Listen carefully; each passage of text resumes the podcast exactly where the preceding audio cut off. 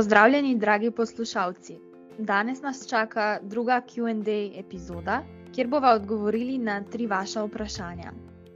So zelo zanimiva uh, in dotaknili se bomo odlašanja, partnerskih razhodov in pa psihoterapije Alberta Elisa, torej racionalno-čustveno-vedenske psihoterapije. Uživajte v poslušanju. Mogoče bi začeli najprej s tem vprašanjem, ki se meni uh -huh. zdi tako uh, mogoče najdaljše, pa največ odpira uh, nekih možnih odgovorov. Ena sledilka je vprašala, kako se prokrastinacija razlikuje od lenobe, kako jo handlati, se pravi, kako se z njo spopadati. A je kakšna povezava med prokrastinacijo in slabo samopodobo? In v bistvu je rekla, da njo zelo obremenjujejo neke te to-do liste, se pravi, um, neka, neki seznami stvari, ki jih mora narediti v dnevu, um, in da ogromno časa potem preživi na telefonu, da ji ti urniki ne, de, ne delujejo. Ja, to je v bistvu, uh -huh. če nekako strnem uh, njeno vprašanje. Jo zanima, ja, v bistvu malo poglobljeno razumevanje uh, odlašanja. Uh -huh, uh -huh. Ja, sej, uh, ful dobro se mi zdi to, kar si izpostavljali, to, da je to unikaten primer, ne? ker tudi ne moramo dati nobenih šablonskih odgovorov, dokler v bistvu ne veva, ne, kaj je zadnji, pa kakšna je zgodba vsakega posameznika. Mogoče za te, recimo, um, ki nas poslušate, boste čist imeli neko drugo, um, ne vem. Uh, druge razloge, ne, zakaj odlašate, ali pa kaj to vam pomeni, ali pa tako. Ampak danes bova predstavila pol mogoče en tak odgovor, ki se bo res bolj nanašal na to situacijo. Zdaj sem pomislila tako, ne, ki si rekla odlašanje ali olajšanje. pač na nek način, um, ja, se mi zdi pomembno za začetek vprašati, zakaj sploh odlašam. Tako, kaj, kakšen je v bistvu namen zadnji, kaj s tem dosežem. In če se tako vprašamo, ponavadi gre za neke neko našo strategijo, nek, ne vem, lahko naš tudi obramben mehanizem, ki nam pomaga, da v bistvu nek stresor, ki je ful prevelik za nas, ali pa neke stvari, ki jih je ful velik, povzročajo nek pritisk, nek občutek, lahko ne vem, neprijeten občutek v smislu tesnobe, napetosti. Uh, in tako, in zaradi tega se nekako želimo pol izogniti temu, oziroma premestiti iti stran od teh težkih občutkov in rajš pustiti ne, to, kar imamo za narediti, pa pač se rajš zamotiti z nečem drugim. Ne. Um, kar je na kratek rok fajn, ker nam odleže v bistvu in je neka res taka prav dinamika, bi lahko rekli, ki se zgodi ob tem odlašanju. Ne tako en tak krok, ki se zavrti in potem nekako, ja, ki to naredimo, lahko sledijo neki občutki ali razočaranja ali krivde, ali pač potem spet ja, nekega samoobtoževanja, ne? v smislu, ja, sej, spet nisem to naredila, spet sem. Um, spet ne odlašam, spet sem blina, in tako naprej.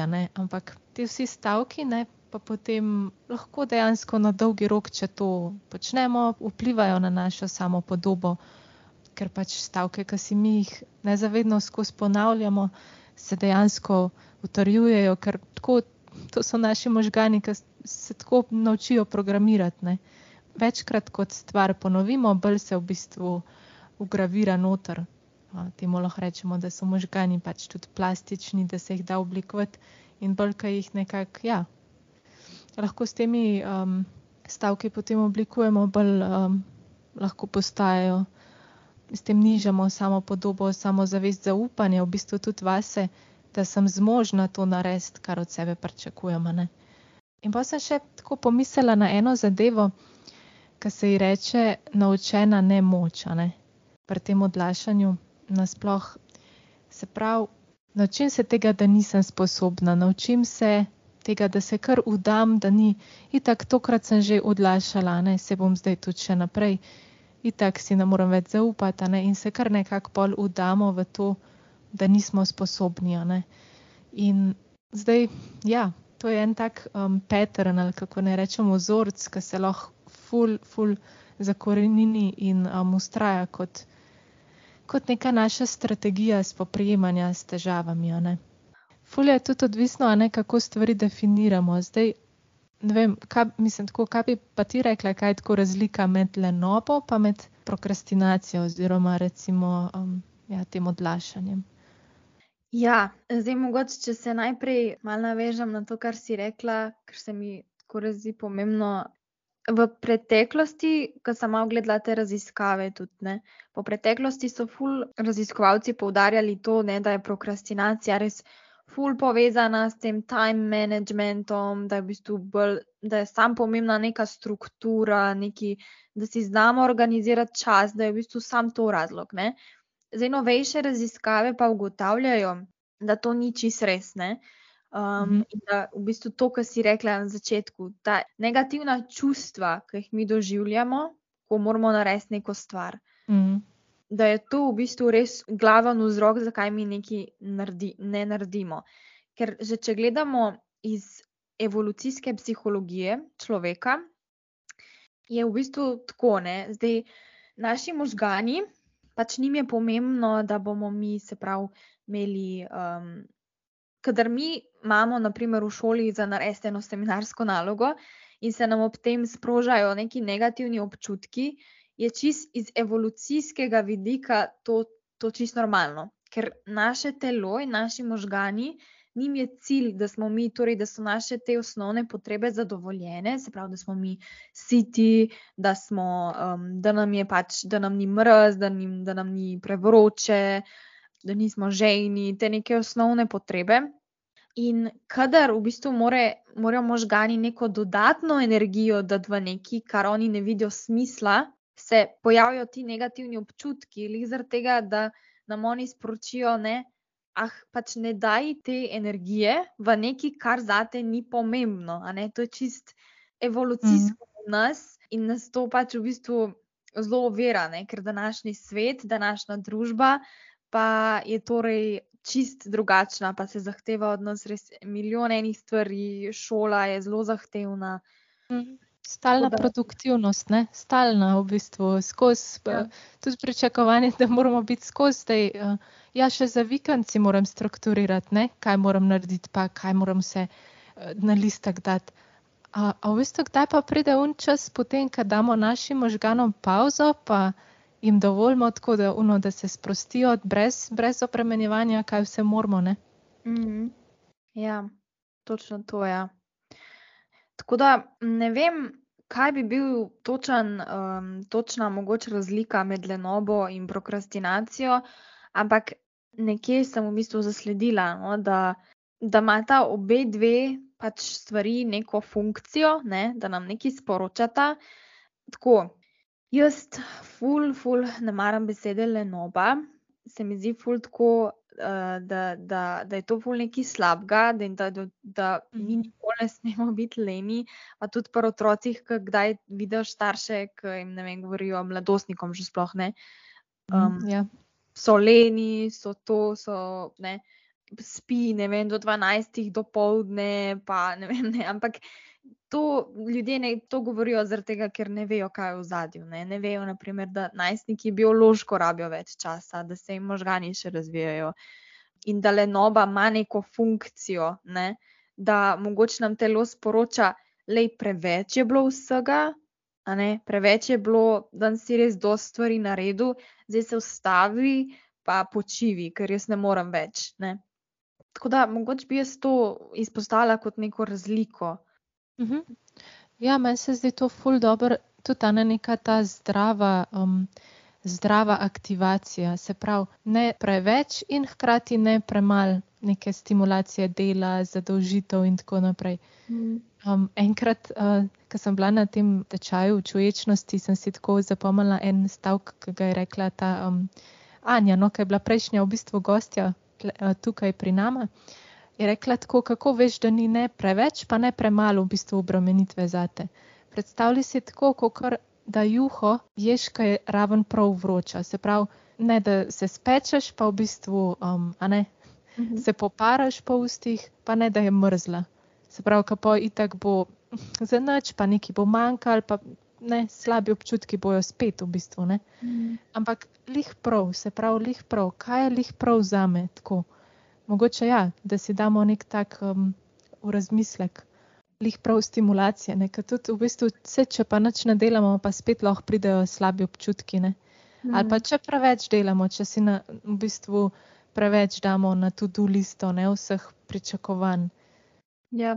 Da je tudi ja, vprašanje, kaj, kaj um, s tem želimo doseči.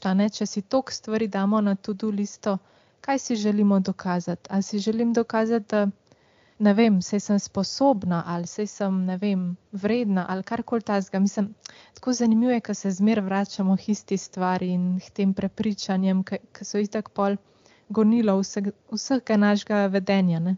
Se to bo pol še pri ja. tele psihoterapiji Alberta ali so omenjali. Uh -huh. uh, zdaj, mogoče preden se dotakneva nekih praktičnih napotkov, jaz mogoče samo še dve stvari izpostavlja, ki jih je tudi um, tale sledilka napisala. Ne? Ta povezava s samo podobo, se nekaj si že omenjala, ne? ampak kako je to v bistvu ne? Mi dejansko, ko prokrastiniramo, in sebi dajemo neke obljube, isto je s tem, ko si tudi te to-do liste pišemo.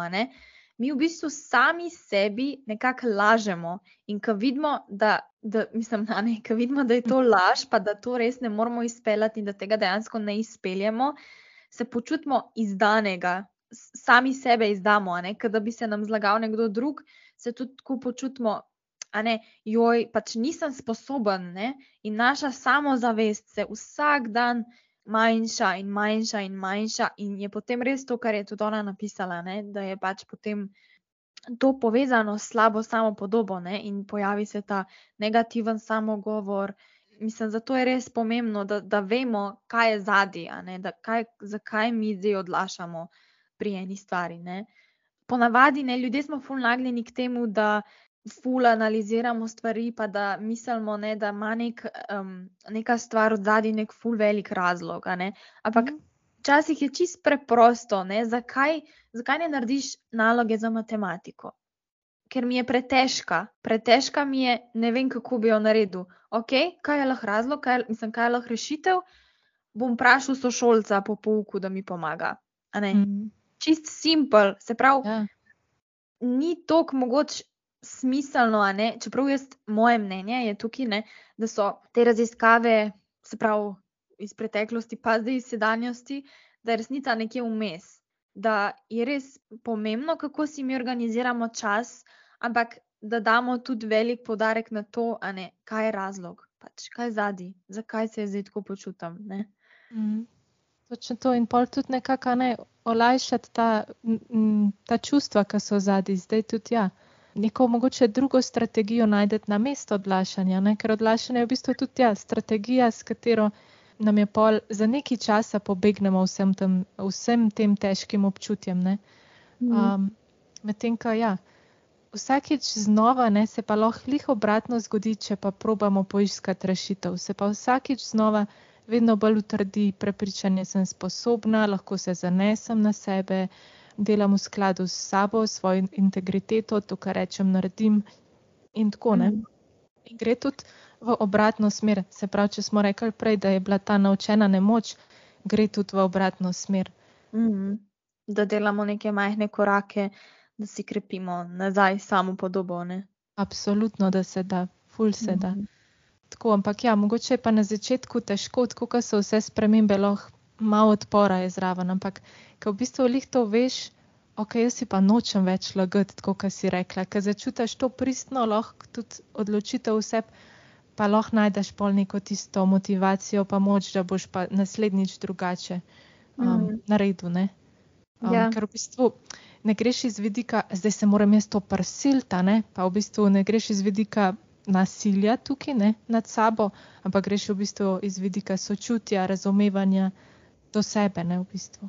Ja, pa tudi mogoče, da razumeš, kaj so tvoje meje, ne? ker zdaj, ne vem, dosti ljudi potem, naprimer, mi potem, a ne, imamo en deadline, naprimer, ne vem, naslednji teden moramo dati seminarsko in bomo odlašali do dva dni prej, a ne, in pa bomo pa dva dni imeli, pa bomo celo noč pisali, ne, ker nas v bistvu mi nehamo potem odlašati, kadar je posledica za nas potem zelo grozna. In kadar zdaj mi vemo, če ne bom pa tega napisal, bom pa pač dobil ena ali pa se ne vem, mi bojo smejali v razredu. Ne? Šele takrat bomo, bomo šli, pa bomo to naredili. Ne? Ja, pač ta pritisk pol umeten iz okolice, nas pol prasil, da to stvar naredimo, sam bolj, ki si to dajemo, vsakič nam je teže polane. Ja, in tudi ni ok.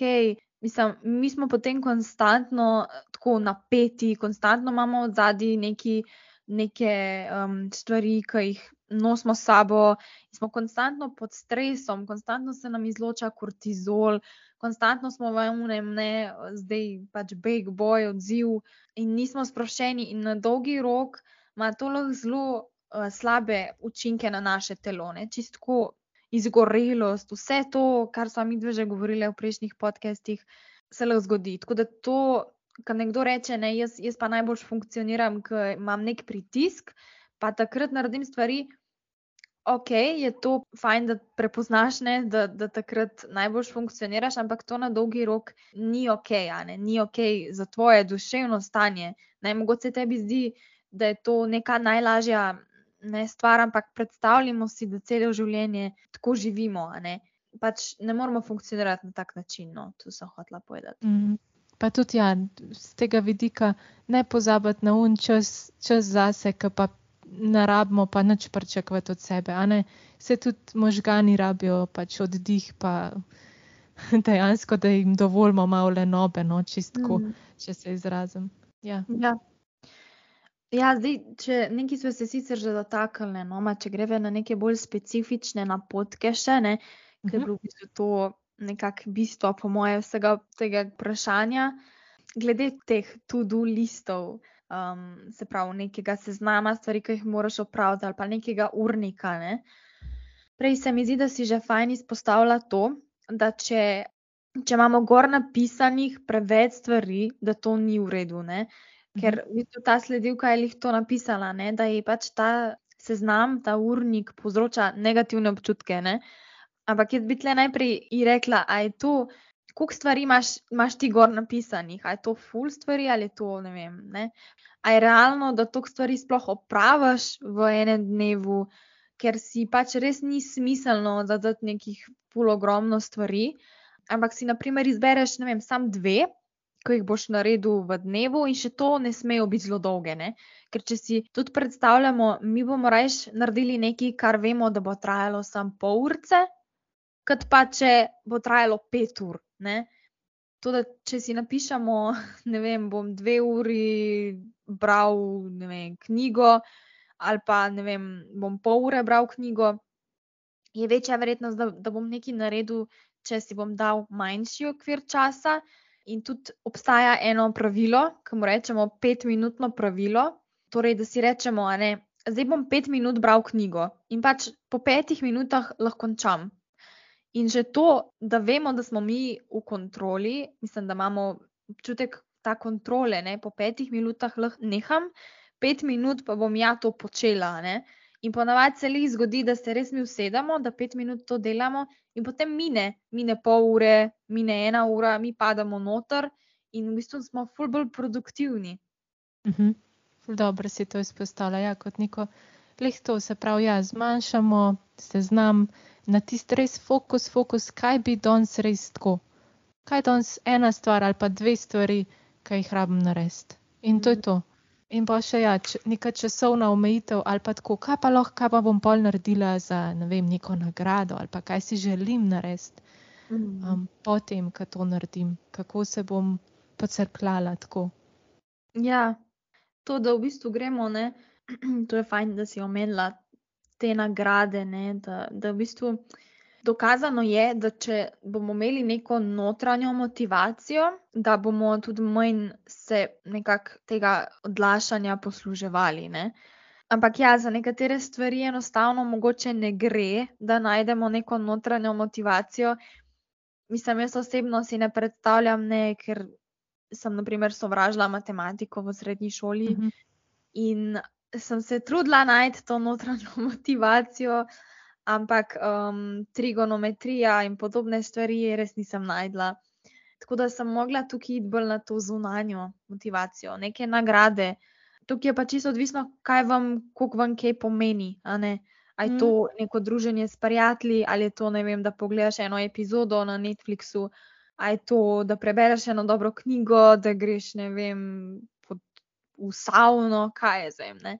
Se pravi, ja, da si, da si daš ne, neko nagrado. Pa tle je pomembna tudi še ena stvar, da zmanjšamo in komplet odstranimo vse motilce, kadar začnemo nekaj delati. Predvsem telefon in podobne naprave. Ker če si predstavljamo, ne vem, tudi če si rečemo, ne zdaj bom pol ure pač delala seminarsko in imam zraven telefon, telefon nam bo zapisku ali pa nas bo nekdo poklical ali karkoli. Se pravi, ne, uh, mi slišimo tisti naš klik, ki pride SMS, in v naši glavi se aktivira uh, nagrajevalni uh, sistem, izloči se dopamin, in mi nujno moramo pogledati, kdo je nam pisal, in mm -hmm. prijemo telefon. In ok, v redu bi bilo, če pridemo telefon, sam pogledamo in ga odstranimo ampak je velika, velika možnost, da pol mi odpišemo. Pa pol, če smo že primili telefon, gremo še malo na Instagram pogledati, pa še malo na. Facebook. Pa pač to se kmavne, lahko obrne pol ure in potem itak, da se nam ne da potem delati naprej seminarske. Ne? Tako da telefon ven ali, da, ali pa ga dati na vem, letalski način, ker nam to lahko zelo, mislim, zelo olajša stvar. No? Mm. Ja, res je, ja. super se izpostavlja. Ampak še kaj tukaj v bistvu? Ja, mogoče bi jaz tukaj samo še eno vajo izpostavila, ki sem jo pa zasledila m, v eni knjigi. V bistvu je vaja vizualizacije, ki nam lahko zelo pomaga. Pa tukaj bi ja, izpostavila mogoče ne. Da si pripravimo nek načrt, ker dejstvo je, to smo že omenjali, da vsi odlašamo. Ne, v eni raziskavi sem zasledila, da so pač, ko so študente anke, anketirali, ne, da v bistvu 70% jih je poročalo, da jih um, večkrat odlaša, in 50% pa, da jih v bistvu odlaša konsistentno in to nekako so opredelili kot problematično. Torej, je ta procent full velik in, in si sam zatiskamo oči, če si, če si bomo rekli, da tega mi nikoli ne bomo počeli. In je tukaj pomembno, da si mogoče pripravimo nek načrt, da si pripravimo neki, kaj bomo pa takrat naredili, ko se bojo pojavili ti občutki. Ne? Ker že to, da mi prepoznamo te občutke, da gre za odlašanje, je en velik korak v pozitivno smer. In mogoče ta neka vaja vizualizacije lahko zelo zna pomagati. V bistvu gre samo za to, da takrat, kadar imamo te občutke ne, odlašanja, da se sam malo zamižimo, pa da se spomnimo, nekega dogodka v preteklosti ali pa nekega vedenja v preteklosti, kjer smo odlašali in smo potem bili razočarani. Se pravi, da smo, vem, bili tri ure na telefonu, namesto da bi pa, ne vem, napisali eno stran seminarske naloge. In si nekako se spomnimo tega občutka, kako smo se takrat počutili in uh, okoliščine, ki so se zgodile. Se pravi, si predstavljamo nas takrat v preteklosti in se vprašamo, ne, kako sem se takrat počutil in kaj me je ta izkušnja naučila. Ker um, nam v bistvu lahko nudi neko, neko skočno točko, da si rečemo, nočem se več počutiti tako, kot sem se takrat počutil, in, se, in je večja možnost, no, da se pač potem lahko potrudiš in vsaj deset minut nameniš neki te aktivnosti. Ne? Pa tudi to, ti si omenjala te občutke krivde, se to je zadnja stvar, prej greve na naslednje vprašanje. Ampak se mi mhm. tudi pomembno, da te občutke krivde, ne, ki si omenjala, da tudi pomembno je, da se, pravi, da se mi zavedamo, da te stvari bojo pršle. Življenje ni linearna črta in so sponi in paci, in te stvari bojo pršle, občutki, da bi radi se pravi odlašali, bojo pršli. Ne? In je pogosto tukaj problem ljudi, da imajo to fiksno naravnano miselnost. Se pravi, ne vem, kako bi to razložila, ampak res je pomembno, da našo miselnost tukaj tudi malo spremenimo, pa prestrukturiramo. Torej, poznamo razvojno miselnost, pa fiksno miselnost. Ne? Osebe, ki imajo nekako to razvojno miselnost, verjamejo, da se na podlagi napak lahko naučijo nekaj jim ne spodbije to tok samo podobe, kot pa pri fiksni miselnosti, kjer je pa to, joj, naredil sem napako, ne, zdaj pa konc sveta, zdaj bom pa obupu. Torej, ja, da se, da se omogoči, da se torej te majhni koraki, ne, ki smo jih omenjali, noč ni narobe, tudi če kdaj zafrknete. Vsi pa če kdaj zafrknemo, naredimo napake, ja. delamo stvari narobe. In je to samo ena izkušnja. In vsakič, ko boste naredili napako, to vzamete kot eno dobro stvar, ker vas je nekaj naučila. Ne? Sprav, spomnite se, kaj vas je naučila. Tako. Mm -hmm. Tako da ja, imamo to, imamo to z odlašanjem. In, tako, ja. res. Ok, no, pejva zdaj na drugo Potreba. vprašanje. Tako, pejva, pejva. Ja, ta je pa čist, v bistvu ena druga, čist druga tema. V bistvu sledilka naj jo je vprašala, kako preboleti nekoga. Oziroma, kako čim hitreje prebolimo nekoga, kaj kažejo raziskave, glede partnerskega razhoda in teh stvari. Ja, lahko bova, bova um, skupaj razmišljala o tem, ampak itek pa šablonskih odgovorov ni, tako kaj bi bilo prav ali pa kaj bi za vse deloval, tega mm. žal ni. Je to sigurno tako eno obdobje, en čas, um, kjer je lahko bolj intenzivno, a ne za nas, um, kjer lahko pridejo vsi občutki še ven, ne vem, neke, nekega obžalovanja žalovanja tudi, ne. Uh -huh. uh, Ker se v bistvu mi poslavljamo in čustveno, in fizično od osebe, ne. In nekih občutkov ali krivde, ali žalosti, ali jeze. Um, tako veliko enih čustev, fulje tukaj mogoče v spredju ta čustveni del, pa tudi neki spomini, izkušnje, mogoče naše fantazije, ki so bile neizživete, ne. In bolj kar naenkrat, ja, ostanemo sami s tem. Kar pomeni, da na nek način bi bilo zelo fajn, da se te stvari predela. Vse to, kar še je ostalo, pa je nerazrešeno, da mogoče ja, tukaj kakšna podpora tudi uh, v obliki, vem, psihoterapije, lahko tudi parkratni obiski ali kakšno svetovanje, tako da se mogoče o tem na glas ne pogovorimo z nekom ali pa mogoče izrazimo občutke, tudi kot smo že večkrat omenjali, da, da jih napišemo tako, ker je res to tako obdobje, ki je lahko čustveno nabito. Ja, mislim, že to, kar si izpostavila na začetku, ne, da, da ni enoznačnega odgovora. Mhm. Že to je zelo res, ker v bistvu neki dejavniki, ki vplivajo na to, kako bo razhod potekel, oziroma kako ga bo oseba doživljala, je um, velik je v bistvu razlog. Mislim, velik dejavnik je to, ali se je ta oseba odločila, da, bo, da se bo razšla s partnerjem, ali je to bila vem, njegova odločitev. Potem je tudi tukaj pomembna zgodovina samega odnosa, se pravi, ne vem, mm. kakšne težave so bile, samo trajanje odnosa, to vse zelo vpliva. In pa še ena stvar, ne, kako se ponavadi ta oseba sooča s težkimi občutki.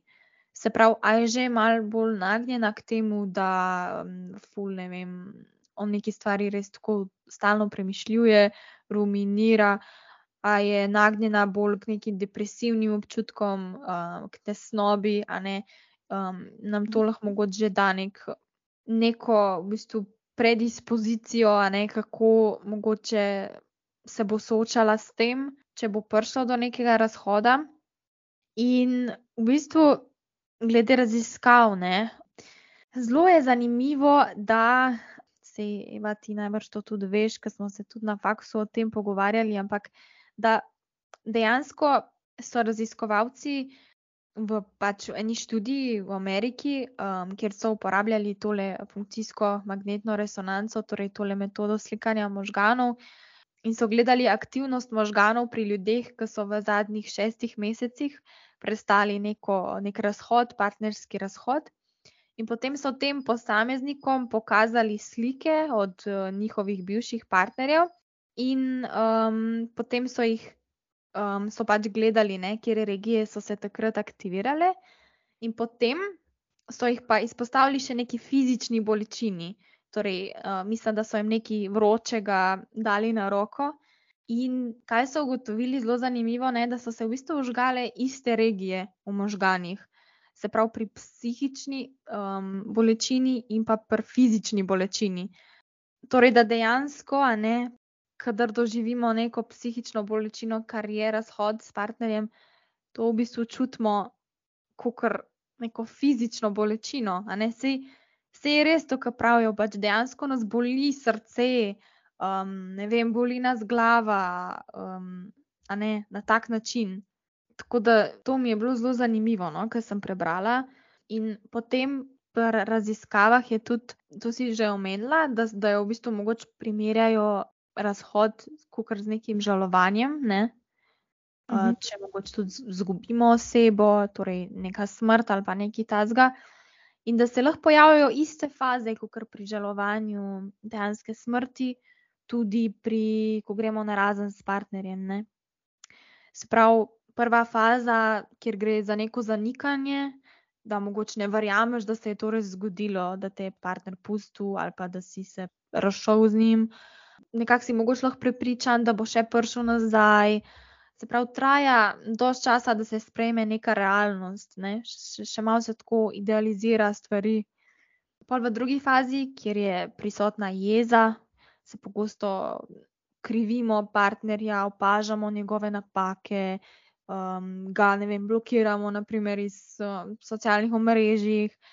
In je to čist nekaj normalnega, čist nek zdrav odziv. Pol naslednja faza je, torej, kjer si mi želimo nekako obrazložiti, kaj se je dejansko zgodilo, in se pogosto pojavi neka ruminacija, se pravi, o razhodu začnemo konstantno razmišljati, pogosto se obč tudi neki občutki krivde pojavijo, pa si govorimo, joj, če bi vsaj naredila to, pa to, zdaj ne bi bilo tako ali pa če bi vedela, da ga bo to, vem, prizadelo, ne bi to naredila. Ne? Se pravi, še vedno je prisotno neko prepričanje, da bi lahko drugače reagirali oziroma spremenili neko situacijo. In pa zadnja faza so pa ti depresivni občutki. Se pravi, da težko sprejmemo, da želimo biti sami, da ga pogrešamo, imamo težave s spanjem in Tukaj je treba vedeti, da do dveh tednov, nekako približno, je to čisto normalno. Če pa se stvari ne izboljšujejo, ne, če se ti simptomi celo mogoče slabšajo, če se pojavi kakšna samomorilnost, takrat se je pa treba vprašati, ali je res, mislim, ali je to res še normalen potek nekega žalovanja, pa nekega sprejemanja situacije, ali gre mogoče že za razvoj kakšne depresije ali pa kaj podobnega. Mhm. Čeprav razmišljam, da v bistvu tudi ta faza žalovanja nasploh se lahko tudi do pol leta zavleče, ne? Mhm. eno leto recimo.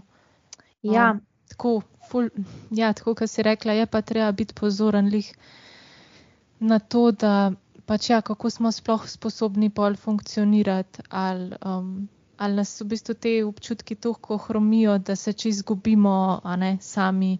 Mm. Pa je res pomemben tukaj, da, da poiščemo pol pomoč.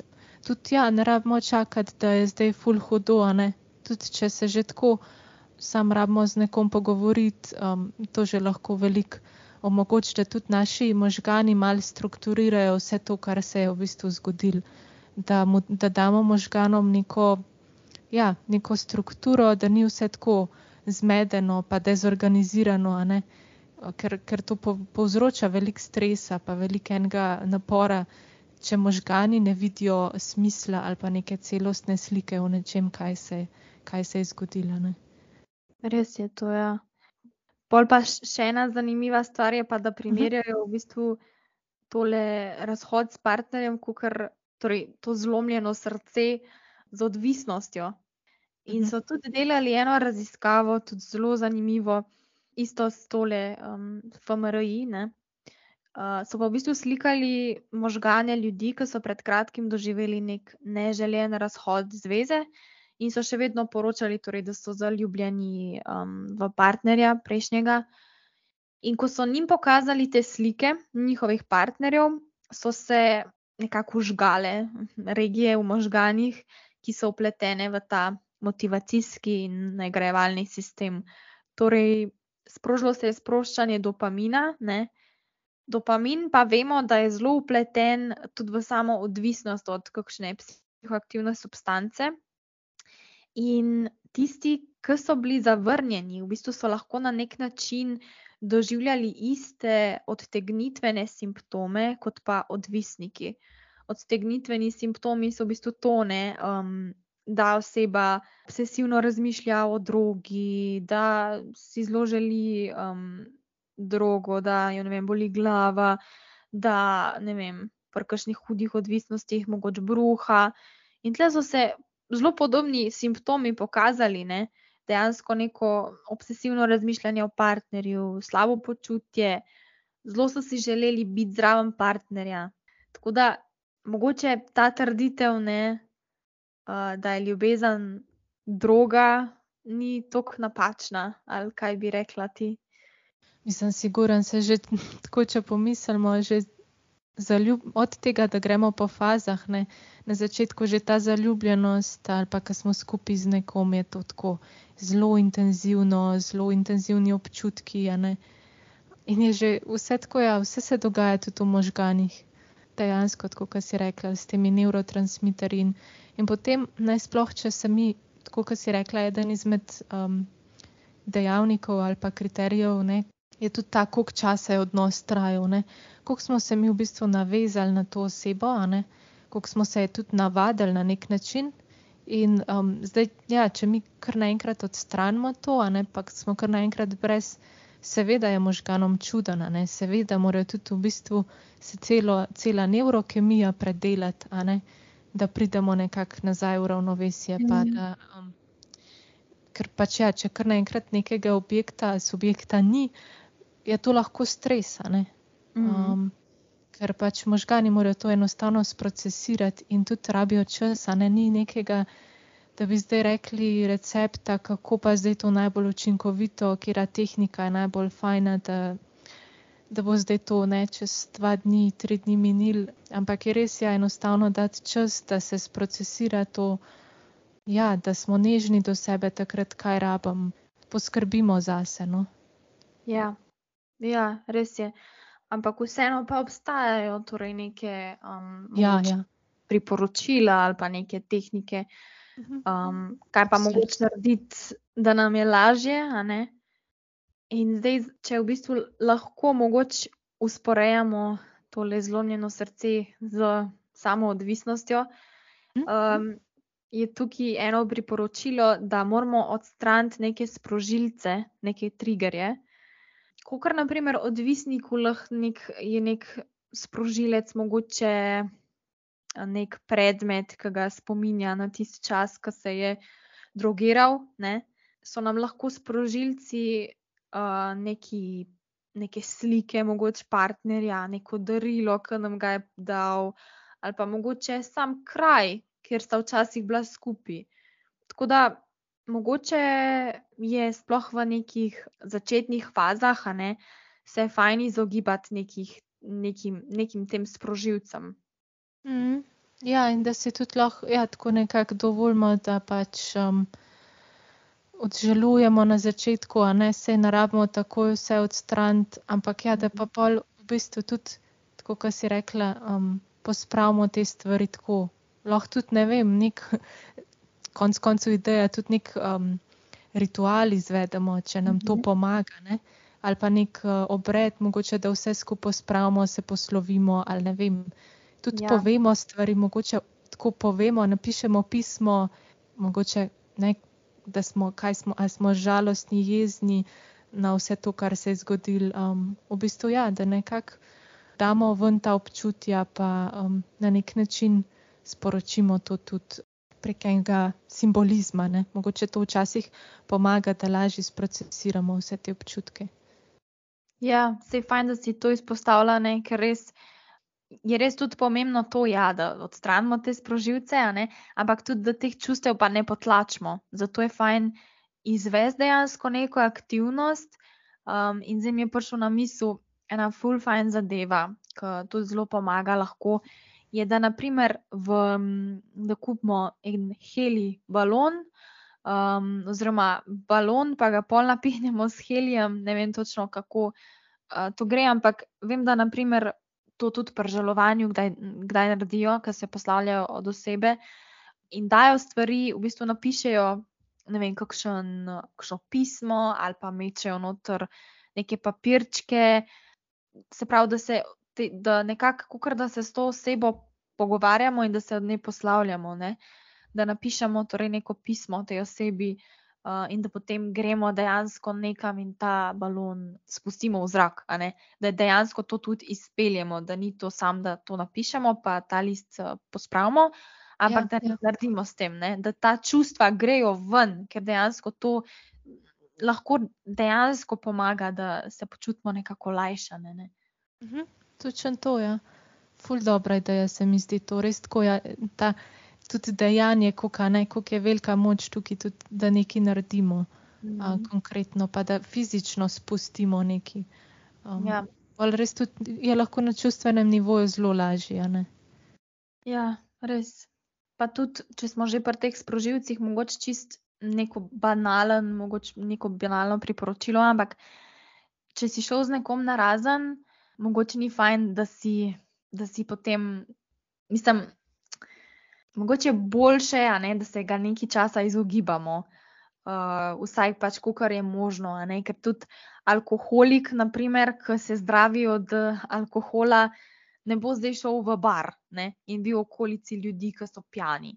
Ker to lahko spet v nas sproži zelo negativne občutke, spet ta dopamin, ta želja, ne, da hočeš biti uh, zraven njega. Tako da vsaj nekaj časa, ne, ki se, se ti navajaš na novo realnost, pač ni fajn, da, da si ne, zraven. Ne. Ni, ni pa vedno to mogoče.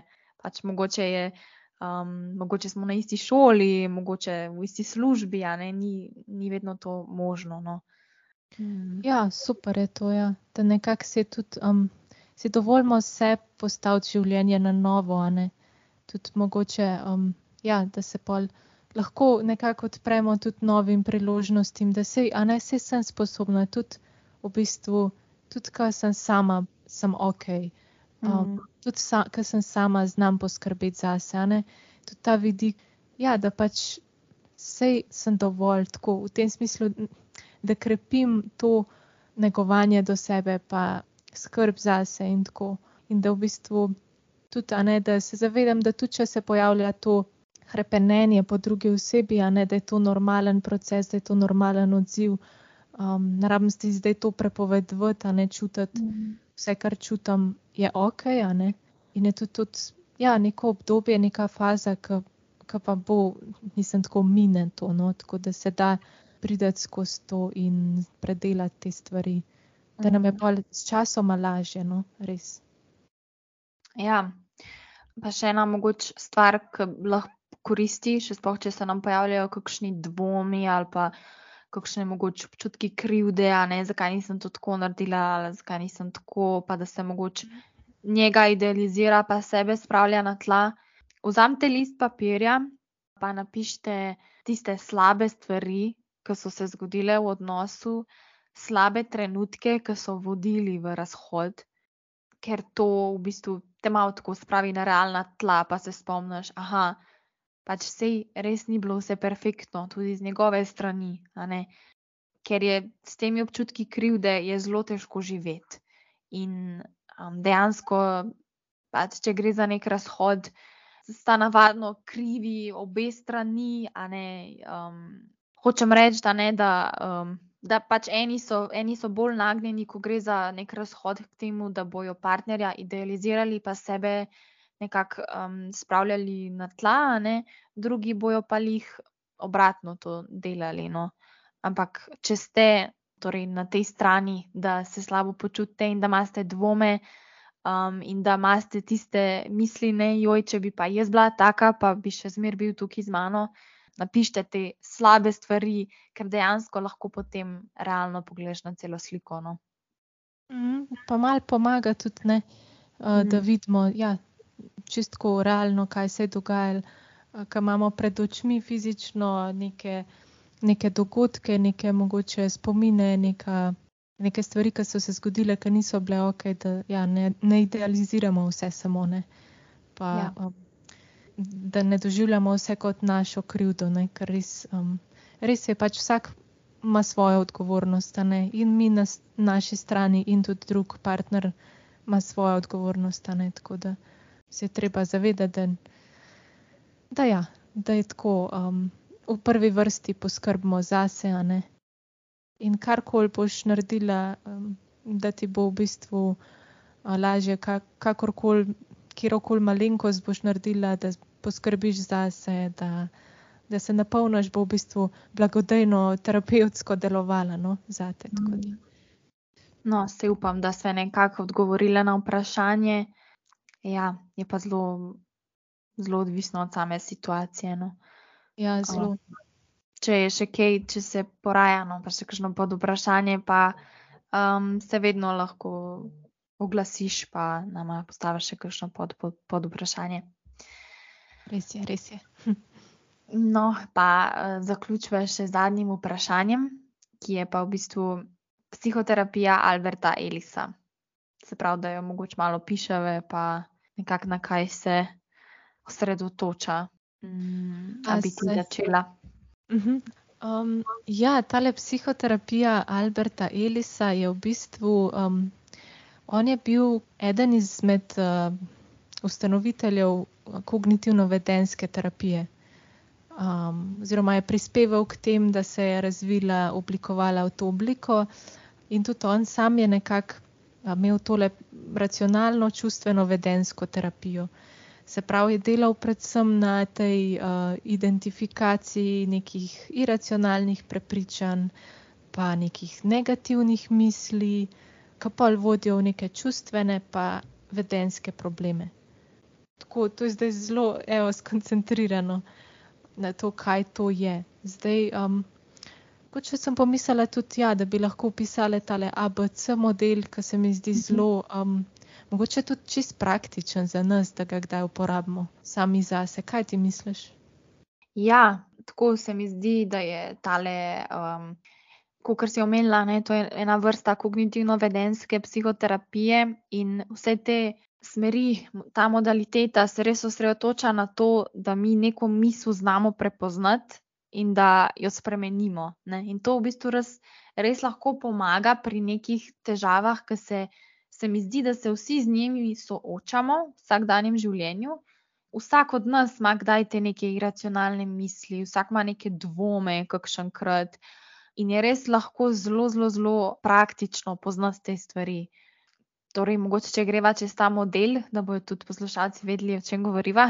Mhm. Ja. Um, Sprav ABC model, ne, da v bistvu razlaga, da čeprav krivimo za, ne, za našo, naše slabe občutke, neke zunanje dogodke, je v bistvu naša interpretacija tega dogodka tista, ki nam povzroča psihološki distres. Če se ostavimo pri aju, tle gre v bistvu za neko torej aktivacijo dogodka, torej da se nam ne zgodi nek zunani dogodek. Torej, naprimer, o tem primeru smo se enkrat že pogovarjali, uh, ampak dopolni me, če bi mal drugače ti strukturirala. Ampak, naprimer, okay. uh, s fantom greš ta v trgovino in sreča ta njegovo bivšo punco in on jo pozdravi. Uh -huh. Nek zunani dogodek, ki se zgodi. Potem se prbaju, a ne, ki je v bistvu stoji za neko neko prepričanje, ki se pojavi, torej neka misel, ki se nam, nam takrat pojavi.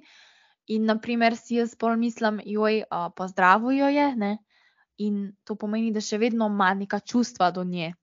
Uh mhm. -huh. In potem pridemo do C-ja, ki pa so neke posledice, torej nek čustven odziv na to situacijo, ki se zgodi. Torej, jaz postanem jezna in se naprej skregam potem uh, s, s fantom. Mhm. Torej, to je nek primer, kako v bistvu neka iracionalna misel, ne, ki mogoče pa on takrat njo pač sam pozdravi, zaradi tega, ker pač sta še vedno v nekih, ne vem, normalnih odnosih, uh, se pač pozdravita na ulici, ki se srečata. Ampak to še ne pomeni, ne, da on še vedno ima neka čustva do nje. Problem je, ker si mi napačno to interpretiramo In ponavadi je vzrok za to, da si mi to napačno interpretiramo, zaradi mogoče tega, ker smo nesigurni sami vase ali pa z nekih slabih izkušenj, ki smo jih imeli v preteklosti, in potem smo jezni in se skregamo. Ja, ja, ja mm, dobro si to rekla. Ja, pač v bistvu tisto, kar ne naša prepričanja, se aktivirajo ob tem nekem dogodku in sprožijo um, nek ta čustven odziv, ki potem lahko sploh ni v skladu ne, s tem, kar se v resnici dogaja. Mm. Um, in je tako ful fajn se zavedati tega, da kako je za več stvari tako, uh, ki mi kar avtomatsko predpostavljamo neke stvari nasploh v vsakdanjem življenju, kaj pa jaz vem, recimo, da ne vem. Zgubimo službo, pa si mislimo, da smo nesposobni, ali pa da nismo vredni, ne, pa potem nekako se kar udamo, ne iščemo več priložnosti, ali pa si ful znižamo standarde, pa si sam neko službo zagotovimo, ki mislim, bi lahko si ful boljšo zrihtala. Ne? Tako, recimo, in iz takih stvari se pol res, iz teh prepričanj naših se ful oblikuje naša realnost. In je mhm. pomemben, da se tega zavedamo, da, da niso tisti dogodki, ki se zgodijo ključane, kako se bomo mi počutili, ampak v bistvu imamo mi notranjo moč oziroma notranji nadzor v smislu teh prepričanj. In normalno je, da vsi imamo ta prepričanja, da se nam na robe razumeli, uh, niste slabi zato, ker jih imate, a ne vsi jih imamo. In normalno je, da jih imamo, ker smo jih dobili lahko tekom okolice, otroštva, drugih, drugih izkušenj, ki so nam podale to prepričanje, da smo naredili nek tak zaključek, ki nam je pomagal neko strukturo spet v možganih narediti, ne, da nam je bilo jasno. Ampak poanta je, da zdaj ne rabimo več jih. Ne? Zdaj v tem trenutku, pa mogoče v neki drugi situaciji, nam pa ne pomagajo več, ne? Nam kvečemu škodijo, oziroma nas potem ovirajo, ovirajo, da se ne moramo več premakniti naprej, ali pa da ne moramo delati več drugačnih stvari.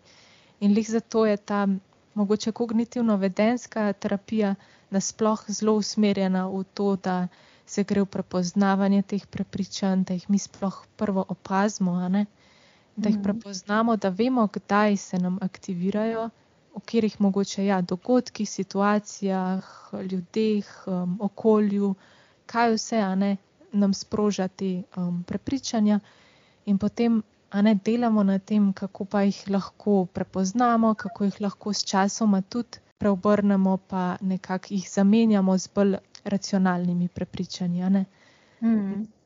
Naprimer, ne, če smo enkrat ja, izgubili službo, pa smo si takrat rekli, da ja, nisem dovolj dobra, nisem vredna, lahko naslednjič, ne, v bistvu, ko delamo na sebi in sčasoma pridemo do tega, ok, izgubila sem službo, ampak sem že sposobna, bom že najdla novo, priložnosti vedno so. Se poglej, koliko je v bistvu um, oglasov, ali pa mm. za neko službo, ali pa koliko je enih priložnosti, ali pa kaj vse ljudje različnih stvari delajo, zihar mi lahko rata, ne? neki se bo že najdel same. Tako v tem smislu, ne, da tudi se naučimo nekega bolj tega pozitivnega samogovora. Ja, kaj, točno to je. Ja. Ja, sem še hotela reči, ja, kaj bi ti recimo še kaj rekla tukaj ali pa izpostavila, ne vem. Ja, mislim, to je v bistvu njegova Elisova predpostavka, je bila lih to, ne, da v bistvu te iracionalne misli pol posledično tudi vplivajo na čustva, ne, pa na vedenje. Mm -hmm. Zato je poimenoval pol to, to psihoterapijo tako. In ja, da nekako s tem, ko mi zatremo tole iracionalno mišljenje, lahko spremenimo tudi svoje čustva in vplivamo na vedenje. Ne? To, kar si rekla, uh, tudi s tem primerom z izgubo službe. Ker če si v bistvu rečemo, če spremenimo misel, se potem tudi počutimo bolj optimistične, um, se tudi vedemo bolj tako v smislu konstruktivno, iščemo službo, kot pa če bi rekli. Da smo nesposobni, pa se smilimo sami sebi, pa bomo ležali cel dan v postli. In, ne, ne. Tako. Mogoče um, še ena stvar, ki je tukaj pomembna, je pa, da naprimer, zelo eni uh, pišejo, ne, da v bistvu primerjajo mogoče tole vrsto terapije tudi z uh, Rogersovo, no, ki je tako usmerjena na človeka, ki v bistvu govori o tej brezpogojni sprejemanju, brezpogojnem sprejemanju. Ampak pri Rogersu je šlo bolj za to, ne, da terapeut brezpogojno sprejema v bistvu um, klienta, tukaj pa gre še en korak naprej. Um, in v bistvu Elis je govoril o tem, ne, da moramo klienta naučiti, da on sebe uh, brezpogojno sprejema. Torej, kako to tudi vpliva, da se on sprejme sam sebe, pa te svoje iracionalne misli dejansko pozitivno vpliva na sam proces. Ja, in pač vpliva tudi na to, ne, da um, se oseba nauči reševati nekih problemov. Torej, um, ponavadi, pač, ko pride klient k, k takemu terapeutu, se gre za to, ne, da se nauči preoblikovati neko misel, pa da se nauči neka um, čustva izražati na, na konstruktiven način. Ja, tako, no, to bi jaz mhm. rekla. Ja, ne vem, a bi ti še kaj do, dodala? Ja, se sem razmišljala, mogoče, kar se pogosto, ko se mi zdi pojav kot eno vprašanje, uh, je to, da okay, imam ta iracionalna prepričanja, se jih zavedam, ampak pol je nek odpor, pride uh, do tega, da bi pa jih spremenili. V smislu, ja, kako si, mislim, če se nimam rada, kako naj si zdaj rečem, da se mama, ne. Mislim tako, čisti preobrat. In mogoče, um, ker je res taka razlika ne, med tem, sej res je, da ne moramo naenkrat v enem dnevu doseči. Da se bomo pa imeli radi, pa ne vem, se samo spoštovali, pa preoblikovali vsa svoje prepričanja, in tako naprej.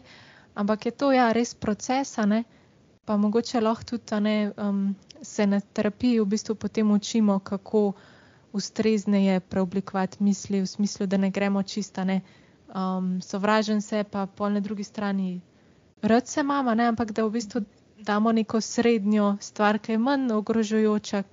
Recimo, rečemo, ne vem, kaj bi bilo tukaj lahko vmes. Da razmislimo. Postavimo samo neke lastnosti na sebi, ki so nam pa ok. Ja, da, ni, da ni tako, ne, da se čisto uh mhm. -huh. komplet sprejemamo, pa da mogoče malo lažemo. Uh mhm. -huh. Ampak da gremo res na neke dejanske lastnosti, ki pa so nam všeč. Ne. Se vsak ima neke stvari, ki so mu manj, pa malo bolj všeč. Točen to ja. Ful, je res fajn si povedala.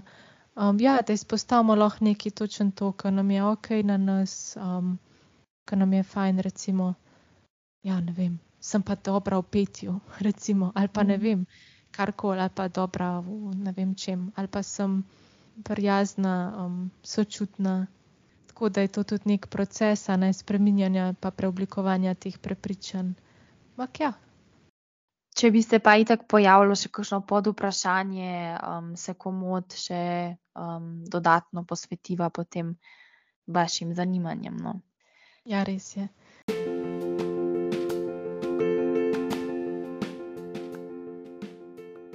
Tako da hvala, da ste bili do konca z nami, res hvala, da naj poslušate. Kaj ja. še taja? pa upam da, upam, da ste se naučili nekaj stvar, pa da vam je to res koristno, da so vam te vsebine, da vam pridejo prav. In ko kar vedno rečeva, tudi um, poskrbite zase. Ja. Um, in ja, vedno nam lahko pišete, ki vprašate. Tako da ja, jaz vam želim en lep teden pa se slišmo ponovno k malu. Ja, tudi z moje strani, lepo bodite, pa se slišimo. thank you